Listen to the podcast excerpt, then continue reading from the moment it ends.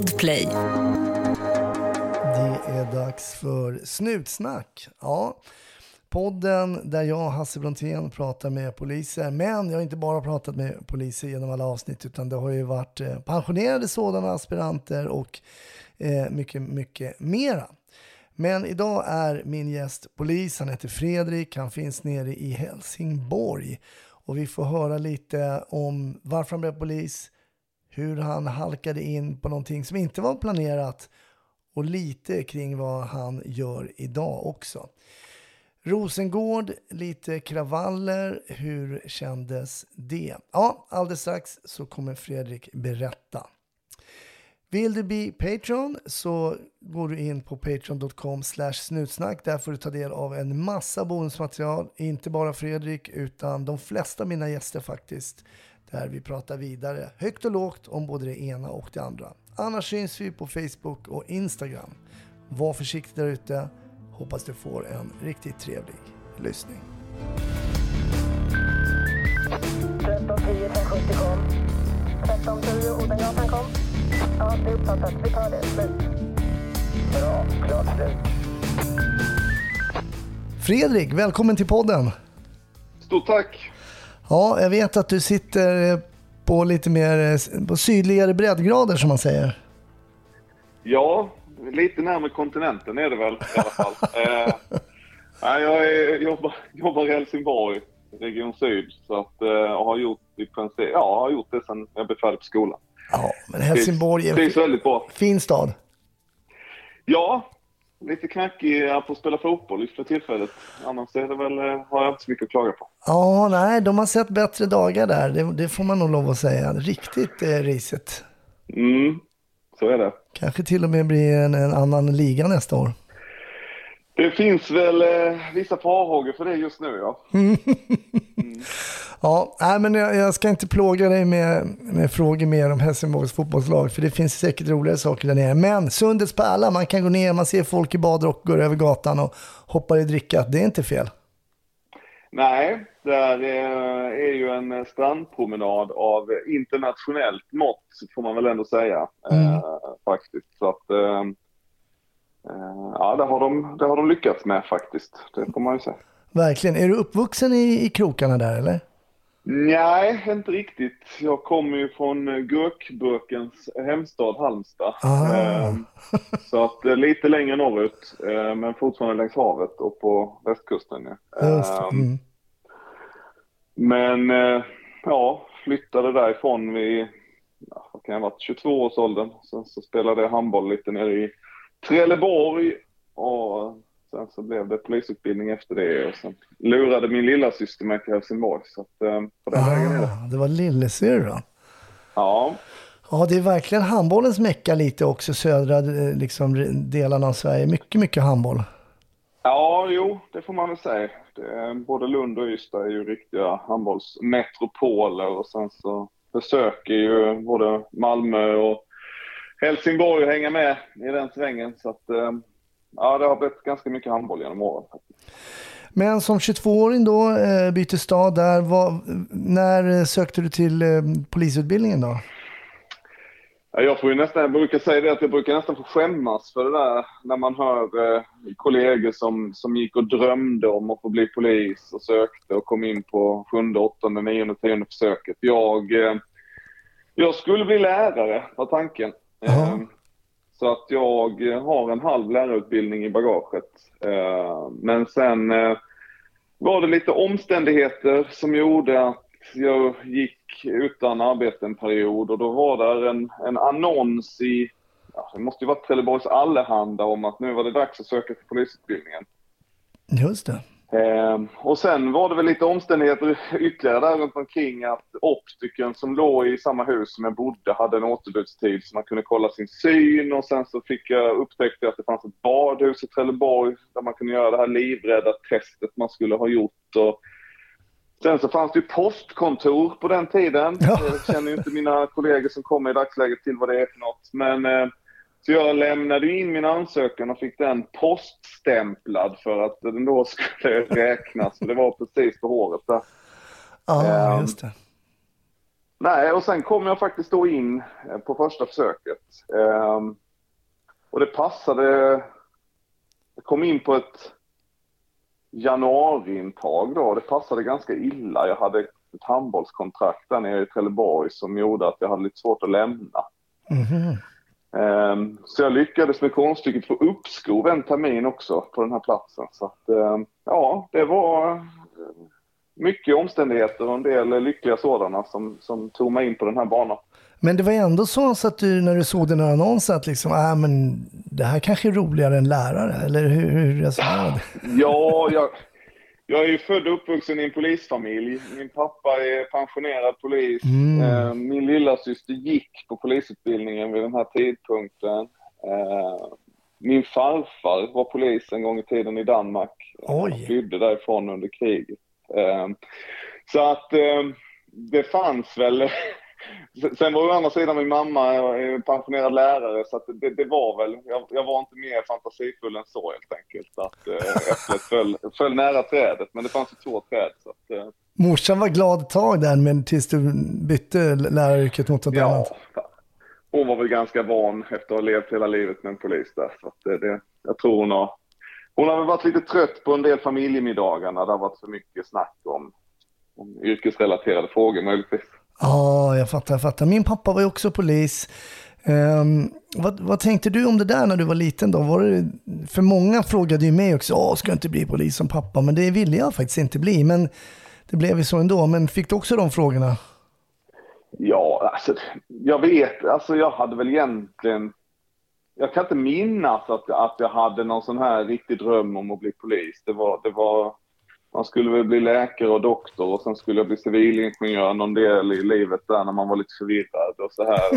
Ehm, så att eh, sen var det väl, det, det är ju lite speciellt att växa upp med, med en eh, förälder som är polis. Mm. Eh, och det, det fanns ju en tid i livet när det liksom alla tyckte det var skithäftigt och sen så fanns det ju en tid i livet när man gick i slutet av mellanstadiet kanske och högstadieeleverna hade haft med pappa att göra eh, arbetsrelaterat och inte var så nöjda liksom. Ja, Eh, just det. och det där eh, det är väl någonting att ha med sig. Jag har en son nu som är 13 eh, och, och det märks ju att eh, från att, att det har varit liksom en, en grej som har varit skithäftig hos, hos kompisarna till att det, vissa nu tittar på en med helt andra ögon. Så att det, det händer ju någonting där från att Ja. alla barn vinkar glatt till att vissa räcker finger åt en istället. Liksom. Ja, jo, men det stämmer nog. Men vilket år var det du gick skolan då? Jag började 2004 och gick, eh, tog examen juni 06 och blev anställd december 06. Just det. Men då gick du inte på Sörentorp? Nej, jag gick ju på det som väl får anses vara den enda riktiga polisutbildningen nu då i Växjö. Ja, i Växjö.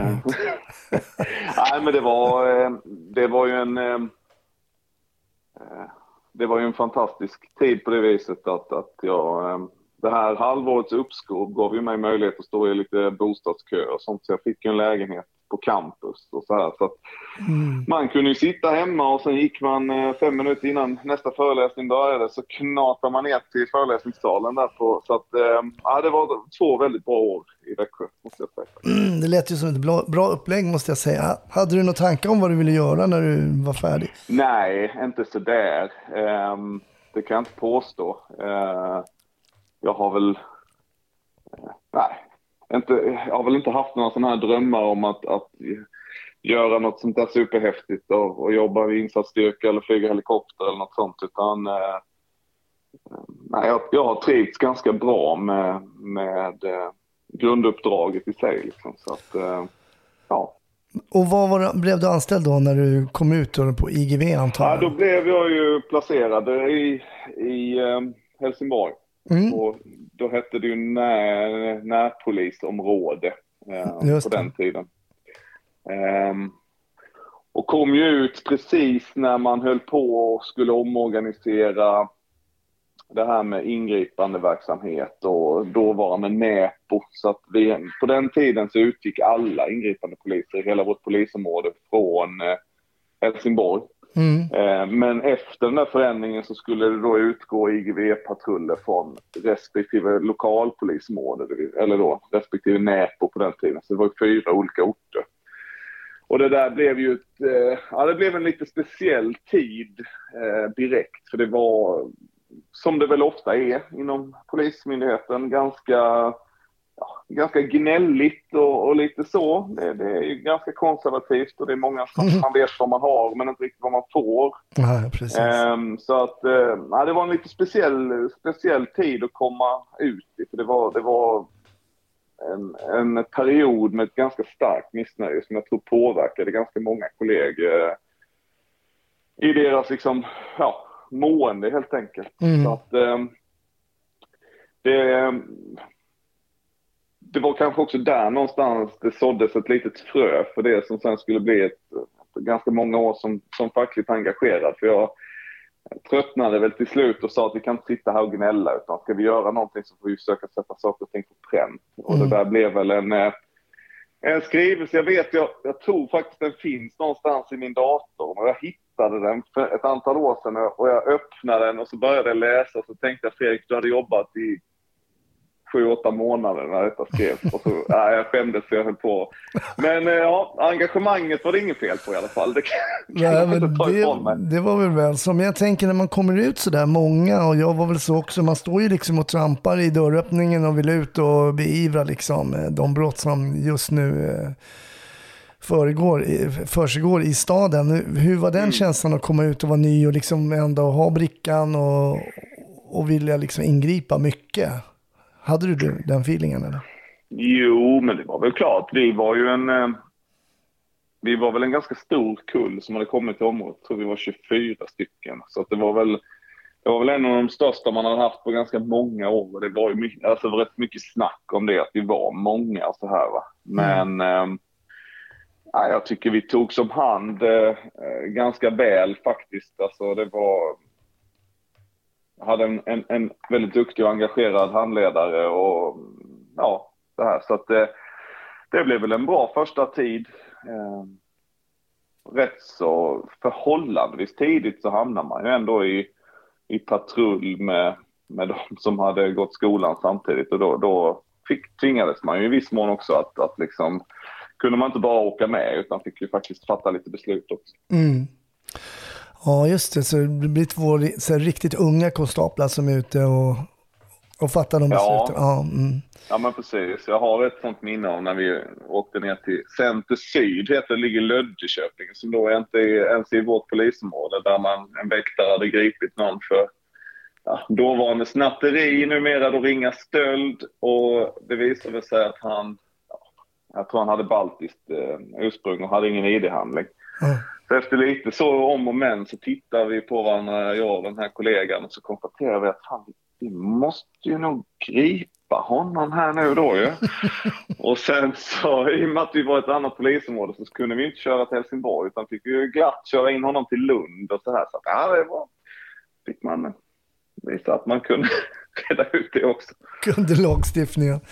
Men, Ja. men det är ju också så för er som lyssnar som inte är poliser, om man står strandsatt två unga kollegor så finns det oftast tid kanske att ringa ett vakthavande befäl eller ett yttre befäl och kanske om det är någonting, något lite knivigare case sådär. Ja, men absolut. Jo, men det är väl en... eh, Det, den stö, det stödet finns ju eh, för det mesta, skulle jag säga. Så Mm. att, eh, det är inte helt luftlandsatta. Poddtips från Podplay. I podden Något Kaiko garanterar östgötarna Brutti och jag, Davva, dig en stor dos skratt. Där följer jag pladask för köttätandet igen. Man är lite som en jävla vampyr. Man har fått lite blodsmak och då måste man ha mer. Udda spaningar, fängslande anekdoter och en och annan arg rant. Jag måste ha mitt kaffe på morgonen för annars är jag ingen trevlig människa. Då är du ingen trevlig människa, punkt. Något Kaiko, hör du på Podplay. Därför är gardinerna. Men den här, du berättade att du skriver det här, um, den här skrivelsen eller PMet eller vad det var där efter sju, åtta månader. Var det om verksamheten i stort och hur man skulle Ja, få den att men- fungera eller? hur? Ja, men det var ju lite så rent organisatoriskt och så här. Va? Och det är som sagt... Eh, man ville mycket och, och så här, men, men som sagt, min främsta drivkraft var väl just det där att det kändes som att det var väldigt mycket fokus på liksom sitta och gnälla vid fikabordet och väldigt lite som blev konstruktivt till någon Mm. reda. Mm. Ehm, så att eh, sen som sagt, eh, när jag läste det idag så, så känner jag väl att eh, mm, jag kunde väl eh, kunde kanske suttit på fingrarna en stund till, men ja.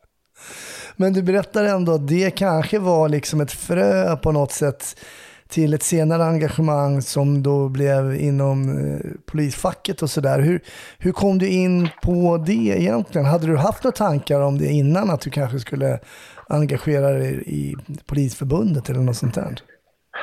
Nej, det, det var väl ingenting jag hade gått och tänkt på så. Ehm, jag var ju medlem sen jag gick på skolan. Då, då löste man ju något medlemskap där för, för hela utbildningstiden och så. Så att jag har ju varit medlem i Polisförbundet sen, sen den dagen. Liksom. Ehm, men, men och, och jag, minnesbilderna går isär lite. Jag vill hävda att det var en äldre kvinnlig kollega som kom till mig en dag och frågade om, om jag kunde tänka mig att, att eh, ta mig an ett uppdrag i den lokala eh, fackstyrelsen där då. Eh, vi har pratat lite om det, hon vill inte riktigt kännas vid att det var så, men, jag tycker ändå att det gör historien ganska bra att det var så. så att, eh, på den vägen var det väl. Eh, så att jag jag gick väl i princip direkt in i den här styrelsen då på ja, motsvarande då när, närpolis, LPO, eller förbundsområde som man då säger inom Polisförbundet. Mm. Och satt med i den styrelsen fram till och med nu i januari 2022. Så att jag, ja, det blev ganska många år eh, med det uppdraget. Men, vad, men hur, mycket, hur länge var du ute och jobbade innan du klev in till det uppdraget? Ehm, ja, jag hade ju ett heltidsuppdrag under nio år som tog slut 2022. Så att då får man ju jobba med sin matematik. Så att eh, någonstans 2013 påbörjade jag väl det Mm, på, Just på, på heltid. där. Och vad sa du, 06 vart du anställd? Var? Ja, Mm. ja. Ja, ja, men då var du ute, då hann du vara ute ett tag ändå. ja, sen så, sen så har jag hunnit med. Jag satt, jag gjorde, gjorde tror jag jobbade drygt 15 månader eh, som familjevåldsutredare, hette det ju då, numera i en relation. Eh, och det var ju många som, som sa till mig redan då att du kommer aldrig komma ut igen, Fredrik. Eh, och lagom till jag skulle komma ut igen så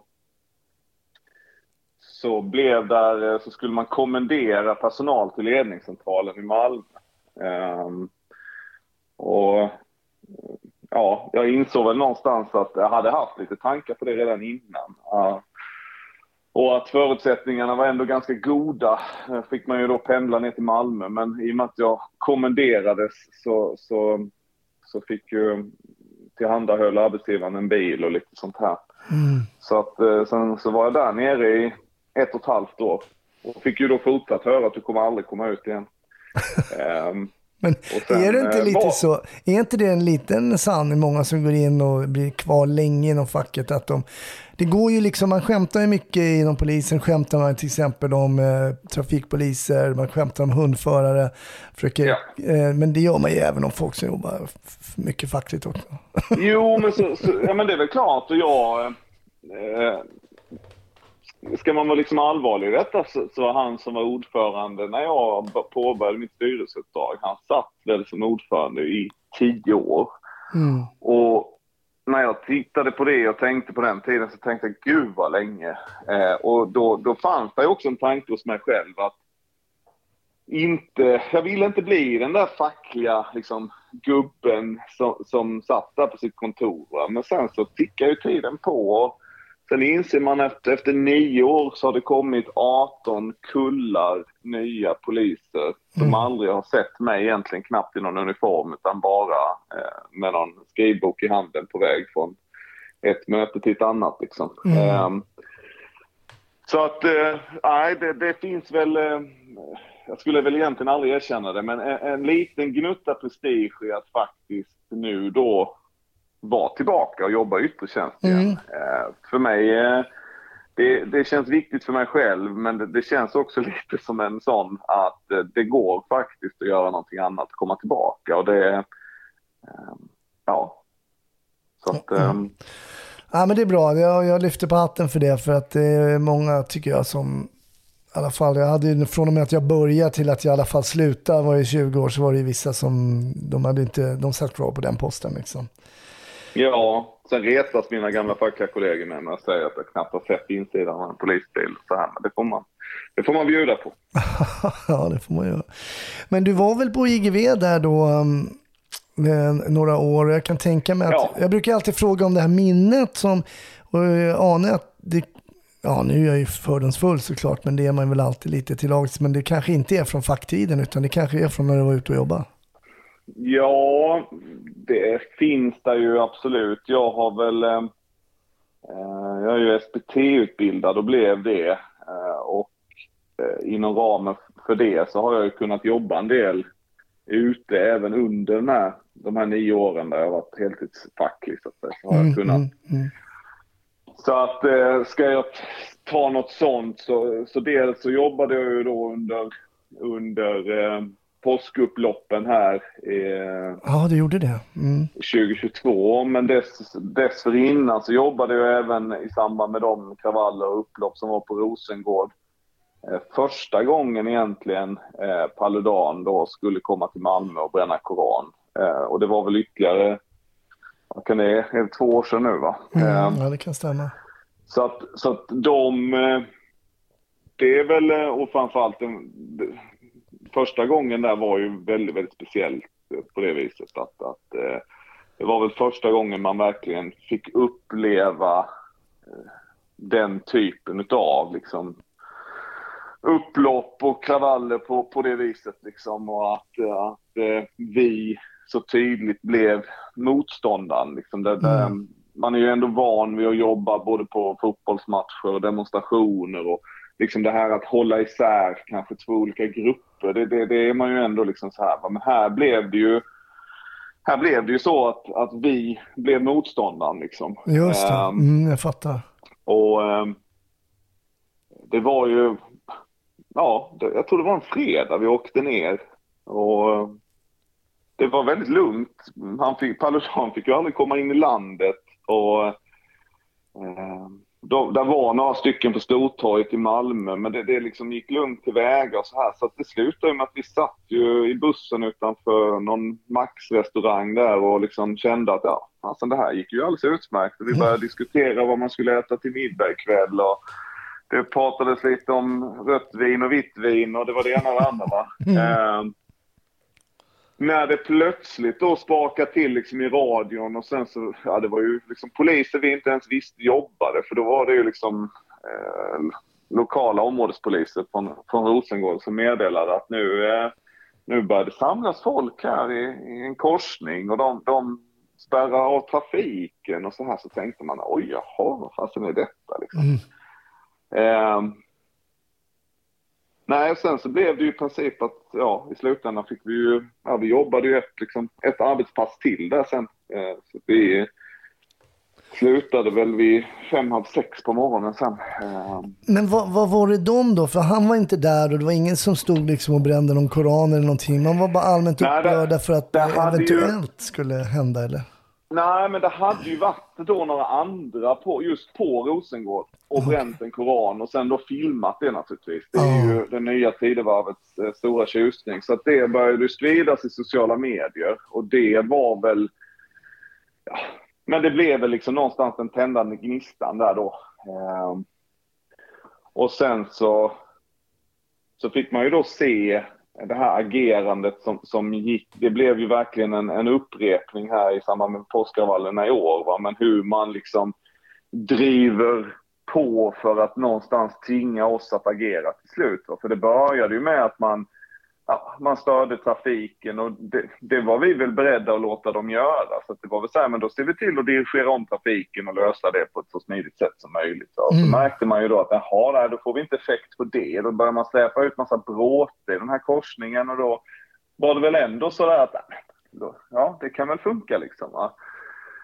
Men sen till slut då så tände man ju liksom eld på allt det där. Man jagade iväg de här områdespoliserna och sen till slut så, så var man ju i en situation där, där vi helt enkelt var tvungna att ingripa och, och då hade man ju liksom laddat upp med, med sten och annat. Och, äh, ja, det var en, en, eh, jag körde den dagen så det var ju en eh, mycket surrealistisk upplevelse det här när, när liksom de första gatstenarna slår rakt i den här vindrutan och så tänker man, fan håller den verkligen för detta? Ehm, men ja, det gjorde den, men bussen såg ut som ett, eh, som ett jävla härke. Eh, rent ut sagt dagen efter. Så det var...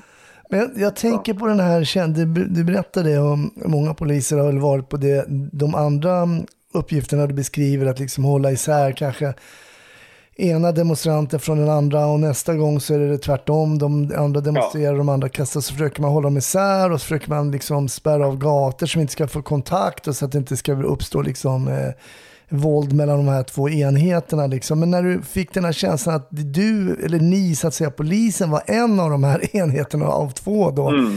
Hur, var det en speciell upplevelse att känna liksom, nu är de verkligen bara emot oss liksom? Jo, men det, så, så var det ju. Att, att det blev ju en utsatthet på ett sätt som... som eh, ja, jag hade nog egentligen aldrig upplevt det på det viset innan i alla fall. Eh, sen är det ju... Sen är ju de här upploppssituationerna... De är ju väldigt, väldigt speciella för de är ju också... När man ser det på tv så kan det ju tyckas som liksom att, att det är ett helt att hela områden, liksom att det är någonstans liksom i princip fria kriget. Va? Men i, i själva verket så är ju ofta själva konfrontationerna ju väldigt koncentrerade till enskilda platser och, och så blev det ju den natten också. Att det slutade med att vi liksom höll en korsning i syfte att, så att säga, stoppa de här från att ta sig längre in mot centrala Malmö. Liksom.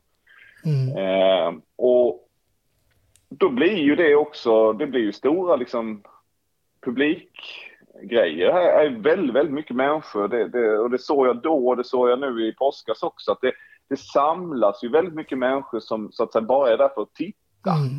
Eh, Och, och det är också väldigt, väldigt speciellt att du ena stunden så, så är det någon som kastar sten mot dig och du försöker liksom ingripa och så här va. Och sen i nästa stund så står du mitt framför någon som liksom är där för att det är lite spännande och du ska någonstans kunna klara av att växla i ditt eh, bemötande och ditt agerande och så här. Va? Ehm, så att, eh, nej det, det, ehm, det gör väl att, att det, man, man, man blir ju naturligtvis väldigt så här, men man kan inte bara gå hem liksom. Eh, För om ni inte är här så blir det förmodligen mindre intressant även för, för, för de som håller på och angriper oss. För det är klart så att, att uppmärksamheten är ju en stor del av grejen. Ja, precis. Och jag tänker ju på bara att folk ska försöka passera en, en trafikolycksplats som kanske inte Ja. ens är speciellt... eh, Det kanske inte har hänt så mycket, några som bara har krockat i varandra. Det stannar ju upp, folk ska både stanna och bromsa in och filma. Och, och då ska man inte tala om att kasta sten på polisen. måste ju vara väldigt spännande Ja. då för sådana personer. Liksom att, Ja men precis, precis. och, Nej så att eh, Men det, det känns också som att det är någon brist i... i jag menar, vi får i alla fall, vi ska inte säga, men jag kommer ihåg själv när man, eh, dels när man gick i grundskolan så lärde man sig klart när man gick under polisutbildningen så att säga, men vad polisens roll är och, och sådär. Och, det är inte så att svensk polis kommer liksom eh, anfalla dig om du står på en plats och eh, inte gör någonting. Men börjar du kasta sten så kommer det hända saker såklart. ja. Det är, det är det här liksom att man, man har valt, man väljer den här fienden som ju är en falsk fiende på något sätt. För polisen är ju inte din fiende i det här läget. Nej, nej men precis. Och det, det visar väl någonstans att... Jag vet att det är många... Jag mötte många boende på, på Rosengård som sa att, att de, de som är här och slåss, de, de, eh, de bor ju inte ens här. Va? Och jag, jag är nog beredd att köpa det eh, till stora delar. Att, att när sånt här väl händer och det väl eskalerar så, så har det ju också en tendens att dra till sig eh, människor och framförallt män, unga män som ju någonstans eh, eh, ser ett, ett, en, ja, om vi inte ska säga glädje så spänning i att, att liksom vara med i detta. Va? Mm, Eh, mm, mm. och då tror jag kanske också att den här tändande gnistan i slutändan är ganska orelevant utan det är liksom själva händelsen i sig som är det viktiga. Eh, Så att, eh, nej det där är, det är lite speciellt det Mm. också ju. Det måste man ju säga. Och sen är det väl så här att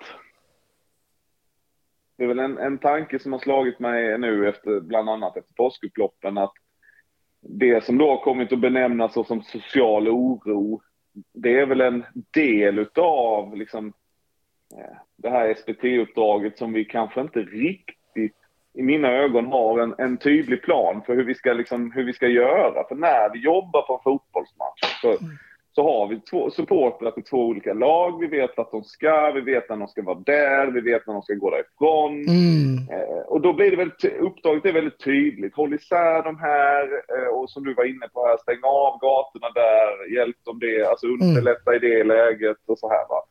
Samma sak kanske med demonstrationer, att vi har någon här, de har sökt och fått sitt tillstånd, de är prioriterade. Sen har vi en, kanske en icke tillståndsgiven motdemonstration, ja, men då får den liksom vara lite där.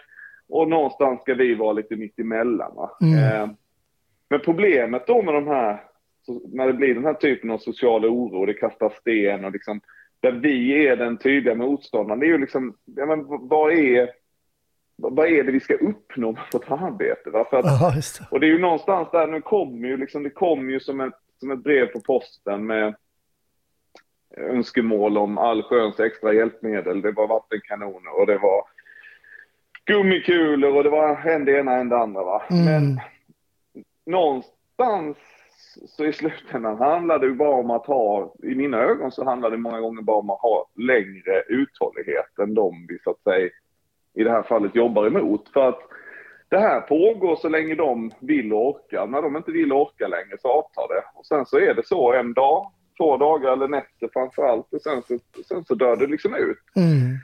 Eh, men det, ja, ibland så, så känns det som att vi hade behövt att eh, utveckla vårt så att säga, arbetskoncept med den här typen av händelser för att liksom vara lite tydliga med vad, vad, vad, vad är det vi ska uppnå. Liksom. För att det är ju väldigt svårt att, att fånga in de här individerna. Det är inte så att vi griper stora mängder eh, killar och kör iväg dem någonstans. Utan det Nej. blir liksom en sån här katt och råtta-lek som det. pågår under ganska många timmar och i vissa fall då flera nätter i sträck. Ja, det där precis. Jag hade en gäst som var med i de här kravallerna under på, i påskas. Här. Det var ju precis Mm. så det var. Sen, han berättade, de var ju oerhört pressade i Örebro. Då var de ju nästan omringade. Det är klart, då vill man väl ha all, all tänkbar eh, utrustning.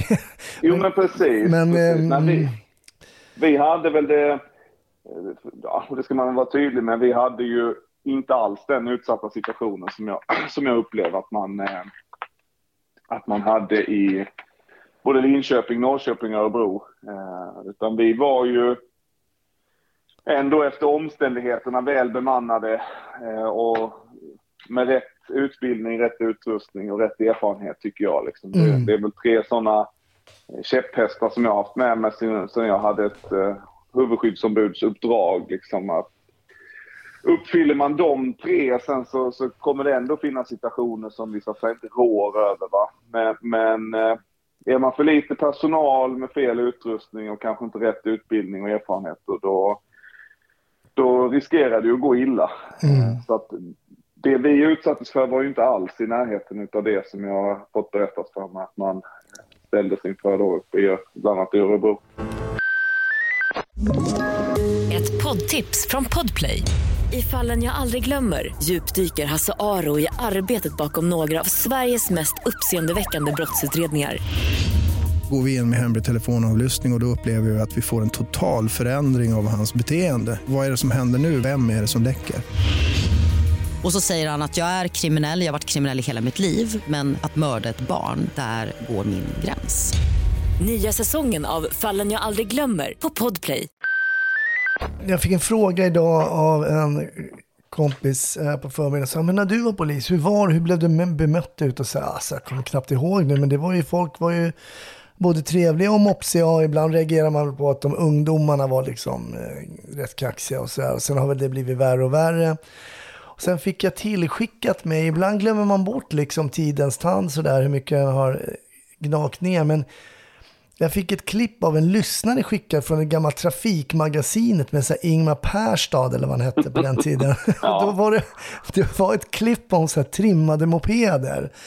Och att eh, då programledaren var noga med att föräldrarna liksom ska gå ut i garaget och liksom de visade en bild på en cylinder som var normalstor och en trimmad cylinder.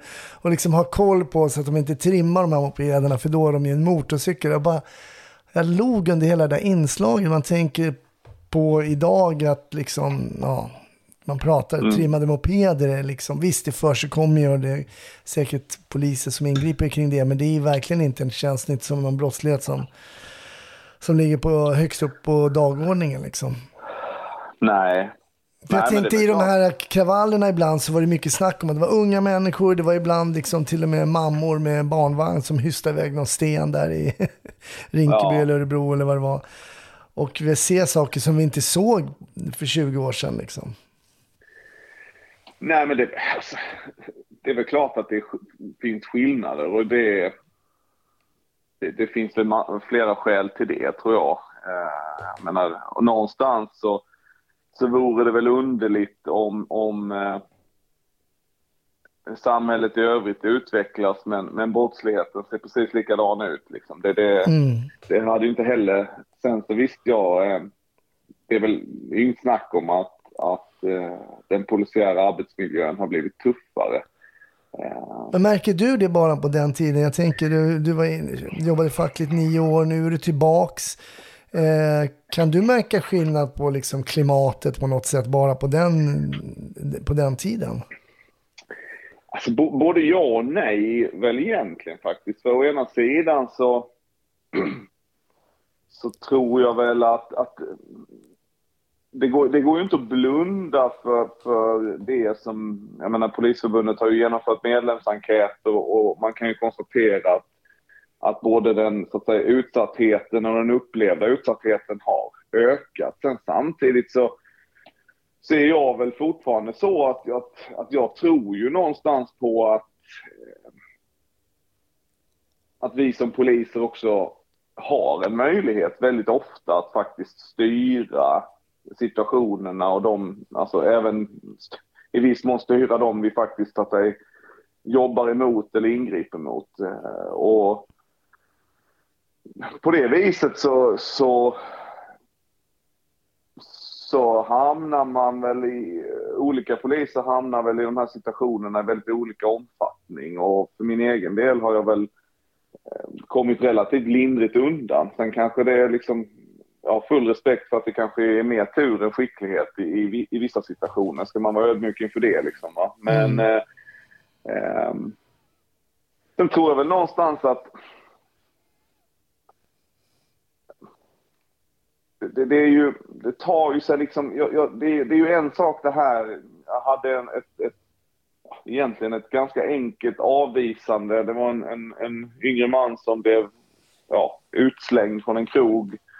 Och sen så stod han kvar och tjafsade med ordningsvakterna och så skulle, han, skulle vi avvisa honom från platsen och han, han blev både arg och irriterad och han tyckte att jag hade dratt i hans tröja vid något tillfälle och så här va. Och, ja, det blir ju liksom en stämning som inte är särskilt liksom trevlig i den bemärkelsen och han vill veta vad jag heter och han ska ta bild på mig och så här va. Mm. Eh, och det är väl klart att det, det, det är ju en ganska i grunden otrevlig liksom, situation och otrevlig stämning men sen är, är det väl också så att även om, även om han då hade en, en, en bakgrund som liksom där han var relativt välkänd utav oss så att säga, så ska han också vakna på söndag morgon, lite trött efter att ha varit ute och härjat på kvällen och sen fortsatt känna så här, fan han den där Fredrik, den ja, alltså, mm. och, och det är ju, än så länge måste man väl ändå säga förhållandevis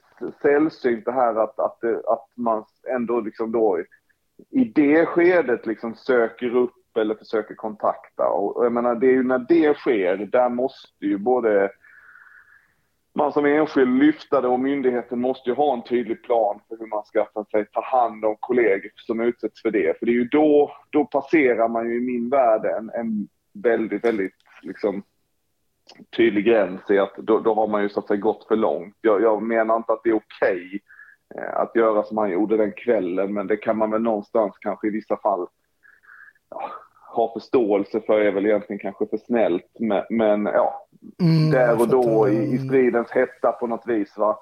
Men att, att sen då, som sagt, vakna söndag morgon och tänka att Åh, ja, honom ska jag nog försöka kontakta här. Ja, men då, då har det gått. Och där, den, så långt har, har, det har jag aldrig råkat ut för. Det är jag ju naturligtvis både glad och tacksam för. Liksom. Mm. Eh, och jag, eh, men jag vet ju att det är kollegor som har gjort det och, och eh, där blir väl, alltså, jag har väl alltid varit, en, varit mycket diskussioner i, i mitt fackliga uppdrag om det här med kåranda. Mm. Eh, och det har ju fått en ganska, i ett medialt perspektiv är det ju ganska negativt laddat. liksom. Ja, absolut. Mm. Poliser håller varandra om ryggen och det är det ena och det andra. Men jag har väl någonstans alltid försökt, jag, jag vill inte på något vis förringa eller förneka den problematik som, som finns till det. Men det finns också en väldigt, väldigt positiv och fin sida med det där. Och, Mm. eh, det tycker jag märks vid den typen av händelser att eh, när kollegor hamnar i den typen av situationer då, då finns det ett väldigt starkt internt stöd och folk är villiga liksom, att ställa upp och hjälpa till. Liksom. Så att eh, det finns väl någonting fint med det också. Mm.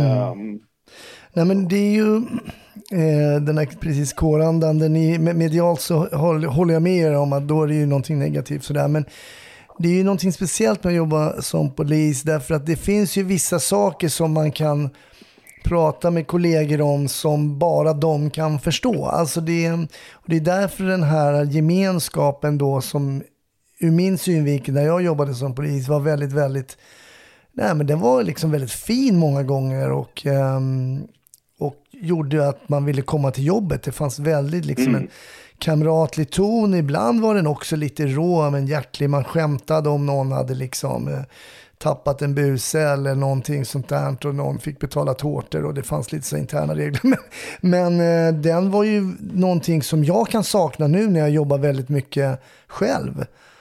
mm. Eh, som man kanske bara tar för givet när man jobbar som polis, att man har sina kollegor och man garvar och har kul, men alla jobb har ju inte det där, eh, den där andan liksom. Nej, men så är det. Så är det. Ehm, nej, men det, det du, du är väl inne på det att, att trots att jag ändå har jobbat i många år så, så känns det ju fortfarande faktiskt roligt att gå till jobbet varje dag. Mm. Ehm, och det, eh, den delen är ju en synnerligen viktig bit i det.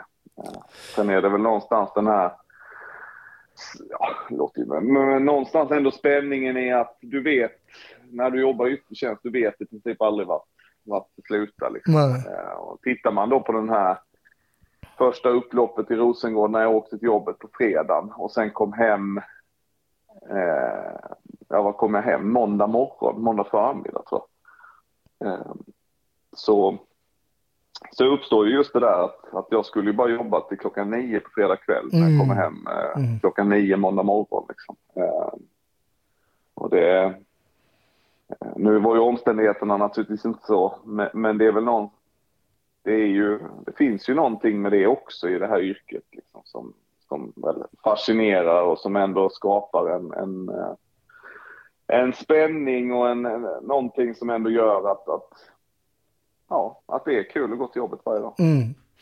Någonting som jag också kan sakna, um, vilket man inte gjorde varje dag, men det var ju faktiskt att man um, vissa dagar verkligen hjälpte människor. Alltså man kom hem och kände så här, men jag har hjälpt, jag har hjälpt en medmänniska idag.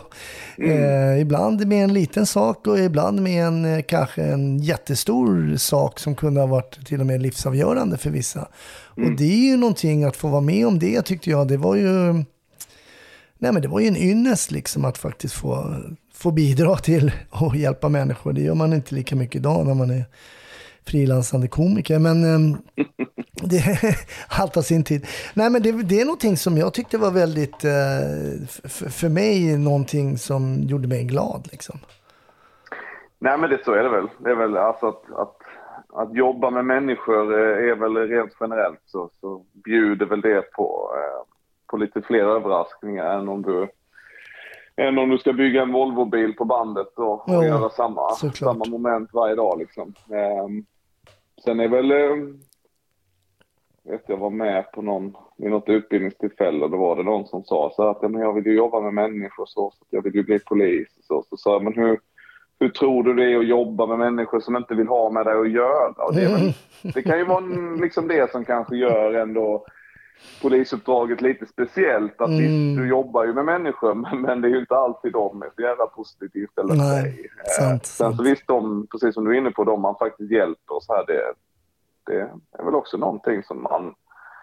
Det finns ju väldigt, väldigt många ljusa minnen som, som man faktiskt kan få stoppa in i den där minnesbanken också. Det är inte bara gatstenar i vindrutor och, och annat sånt här elände. Liksom.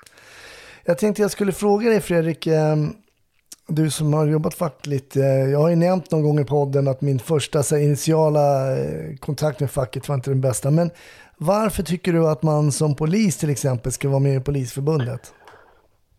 Nej men det är väl, det är väl så här att jag minns när jag, ja, när jag en gång började så, så, så var det väl, man, man sålde ju ofta in det med liksom, du, du får lite försäkringar och du kan köpa billiga biobiljetter och det var lite så här. Och, eh, men någonstans så har jag väl under de här åren kunnat konstatera att eh, jag brukar säga att när du blir polis, så, när, eller när jag blev polis så fick jag se liksom samhällets baksida och när jag blev facklig inom polisen så fick jag ju se lite av myndighetens baksida. Och, eh, man ska vara medveten om att det är förbaskat tryck och behagligt i mångt och mycket att vara statsanställd. Eh, jag avundas inte människor som, som jobbar i olika branscher där, där liksom arbetstidsavtal och sånt här inte ens existerar mer eller mindre. Men det är väl också så att, att Polismyndigheten i, i vissa situationer är en ganska, ja, det är en ganska trögtänkt, i vissa fall direkt bakåtsträvande och, och ganska ja, tjatig arbetsgivare. Och du, du kan i olika sammanhang hamna i situationer eh, där du så att säga står relativt ensam. Eh, Mm, och, mm. och då är ju ett, ett fackligt medlemskap, oavsett om det är då i Polisförbundet eller om du skulle mot förmodan och mot bättre vetande välja ett annat fackförbund. Men, men, att, men att du någonstans har någonstans att vända dig till. Och det är ju lite det jag har försökt att, att berätta för, för de som då jag försökte rekrytera när jag hade mitt uppdrag. Liksom att, att det här handlar ju om att du har någon som finns där för dig den dagen eh, det inte har gått som det ska riktigt kanske. Mm. Och det kan ju vara allt ifrån att du, du, du får din semester återkallad till att du kanske misstänks för brott och, och kallas på, på förhör och annat så här va. Mm. Och det är ju så att någon, det blir ju nu som en försäkring va? och tyvärr är det väl allt för ofta så precis som liksom man, man vill ju gärna teckna den där försäkringen när huset redan har brunnit ner va. Mm. Eh, så att, och sen, sen så kan ju allt det där andra vara liksom, det blir ju liksom gräddet på moset. va? Att du dessutom då kanske får en olycksfallsförsäkring och du kan ja, köpa en billig biobiljett och sånt där. Det, det är ju liksom, det är ju bara lullullet runt omkring. Mm. Eh, men jag tror och hoppas att, att, eh, att jag under mina år i, i det här uppdraget eh, faktiskt har så att säga, kunnat eh, hjälpa och stötta kollegor på ett sätt som de har sett ett, ett värde i och som gör att man inser att den där medlemsavgiften som dras varje månad ändå faktiskt var ganska väl investerad. Liksom. Mm. Men hur ser din eh, målbild ut nu inför framtiden då? Vad ska du göra? Ja, det- du har det- ju en bit kvar till pension trots allt. Ja, ja, ja, jag får ju bita ihop några år till. Men kommer du pensionera dig som polis? Som farsan? Ehm, ja, jag, jag, jag tror nog att det kommer bli så. Ja, Nej, jag Det har funnits stunder. Jag, jag hade en, ett, ett, ja, det var lite jobbigt avslut här i viss mån på mitt, på mitt fackliga uppdrag och det, det, fanns, det fanns en tid när jag eh, relativt aktivt faktiskt tittade mig om efter någonting annat. Jaha. men... Eh, alltså... jag tycker inte, jag sa ju det till dig här innan när vi, innan vi körde igång, att jag, jag har inte lyssnat på så här himla många avsnitt utav den här podden. För jag ser mig inte som, jag är inte sådär riktigt, eh, liksom, försöker att ändå distansera mig lite till mitt yrke när jag då inte jobbar. Mm, Men mm. Samtidigt så, så ska jag väl villigt erkänna att jag är väl ganska liksom snutig. Eh, så. Jag brukar berätta om jag åkte på semester med min, mina föräldrar, bjöd mig och familjen på att åka till ja, Gran Canaria eller vad vi var nu. Mm. Och så var det tre, tre killar som satt i gaten. Jag tror vi flög från Malmö. Eh, ja, så, där och sen så sprang man då, så åkte vi gemensam som transferbuss. Och vi klev av innan dem och sen så en vecka senare så skulle vi åka transferbussen tillbaka då. Eh, och då hamnade jag, då var det inte så många platser lediga så då fick jag sitta bredvid en av de här killarna. Och, ja, det tog en liten stund. Vi hade väl, jag knappt vi pratade med varandra men rätt så tittade någon på dem, tittade på mig så sa de, är, är du, är du snut eller? och då blev man så här, ja, jo, jo, så är det ju. Så att, eh, ja, någon spanarkarriär blir det ju inte. Ehm, eh, det kan vi väl konstatera. Ehm, och nej, jag vet inte riktigt. Jag, just nu så vill jag väl egentligen mest bara liksom landa lite i det här. Mm. Efter att ha varit ifrån det så länge. Jag har väl någonstans också sett i, mitt, i, i det fackliga uppdraget att vi, lite på gott och på ont, så finns det ju ett, ett, enormt utbud av funktioner att välja på inom polisen. Och det gör ju eh, det, positiva är ju att du, att du kan få en variation. Liksom, Mm, och att, att det absolut. faktiskt kan bli det här livstidsyrket som ändå är, är ganska unikt. Mm. Men det finns väl också någonting lite negativt i det att vissa kollegor har en tendens att liksom, man blir ganska kortvarig eh, på varje ställe. Så att just nu känner jag väl ingen jättebrådska att liksom eh, komma vidare så, utan eh, jag jobbar i en grupp med, med väldigt nyanställda kollegor och det eh, man kan insupa deras, eh, i, i det här fallet då ungdomliga entusiasm och, och faktiskt känna att eh, fasen det här är ju riktigt roligt. Sen så ja, får vi se. Jag, jag är väl öppen för utmaningar som eventuellt kan komma. Jag har, har ett stort intresse för eh, arbetet runt eh, med idrott och fotboll och så här. Så Mm. att, eh, det är väl, eh, är det någonting jag ändå har satt lite ord på så är det väl att jag skulle kunna tänkt mig ett, ett uppdrag som supporterpolis någon gång vid tillfälle om en sån Ah. lucka skulle öppna sig till exempel. Mm. Ehm, Nej, men du, jag tror det finns hopp för dig Fredrik. Eh. Sen vet jag inte hur det är med, med Helsingborg som fotbollslag där, men det är en helt annan fråga. Men först, jag skulle vilja tacka dig att vi fick en liten inblick. Man får ju inte på en knapp timme sådär hela allt på bordet, men vi har ju fått en inblick lite i din karriär och lite kring det fackliga. Men vi måste ju höra vad du kikar på för eh, polisfilmer om kvällarna. Ja, men just nu eh, är det ju naturligtvis, jag är ju inte, jag är ju så pass mainstream att just nu så, så eh, följer då naturligtvis eh, Tunna blå linjen, säsong två här. Jag är ett avsnitt back än så länge, så jag tittade på avsnitt två igår. Mm. Tycker du att de är trovärdiga, de här skådisarna som... Men jag tycker väl, ehm, jag tycker väl ändå att de rent, i det rent polisiära så, så, så jag reagerade igår på att man, man genomförde ett, ett utandningsprov där på en förare. Att det, det gick väldigt snabbt från blås till positivt eh, i, i den här. Lite för snabbt, men, det kanske då, man vill inte stå och vänta på att den ska stå och spegla verkligheten. Ja, jag kan ju inte nog tjata om att jag har fått mail från manusförfattaren till Tunna blå linjen om att den kanske inte ens hade blivit av förut om inte Snutsnack hade funnits. Ja, nej, då får du ta åt dig lite. Ja, det gör jag sannerligen. Det är ett komplimang. Mm. Nej, men så att det, det är väl det. Sen rent historiskt så det är väl också slå in en öppen dörr naturligtvis. Jag ehm, har ju sett The Wire, är väl en, och en Mm. av de polisserier som på något vis har, ehm, har satt sig kvar längst liksom. Mm, riktigt bra. Ja. Och sen ska man ju inte glömma bort Saga Norén länsning Malmö. Tycker jag inte. Så, Vad hette den? Nej, men Bron. Ja, ja, ja, ja okej. Ja, bron har nämnts. Den Jag menar, det, där har vi ju, där förstår man ju också att, att eh, det är ju i den här delen av landet det händer. Va? Du ser ju någonstans den genomgående tråden här. Nej, nu måste vi sluta. Nej, jag skojar bara. Ja, men, nej, men stort tack än en gång för det. Vi ska prata vidare lite i ett Patreon-avsnitt och då tänkte jag faktiskt att um, vi ska höra lite om de här ljusare stunderna som du nämnde, att det finns faktiskt också minnen som inte bara är liksom tragiska och sådär. Se vad det kan vara. Men tack så länge. Tack.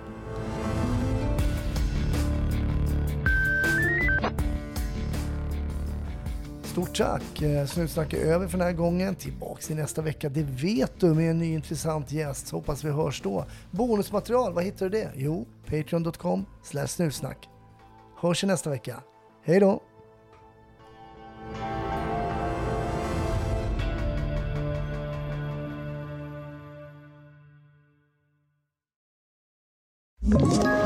Ett poddtips från Podplay. I fallen jag aldrig glömmer djupdyker Hasse Aro i arbetet bakom några av Sveriges mest uppseendeväckande brottsutredningar. Går vi in med hemlig telefonavlyssning och, och då upplever vi att vi får en total förändring av hans beteende. Vad är det som händer nu? Vem är det som läcker? Och så säger han att jag är kriminell, jag har varit kriminell i hela mitt liv men att mörda ett barn, där går min gräns. Nya säsongen av Fallen jag aldrig glömmer på Podplay.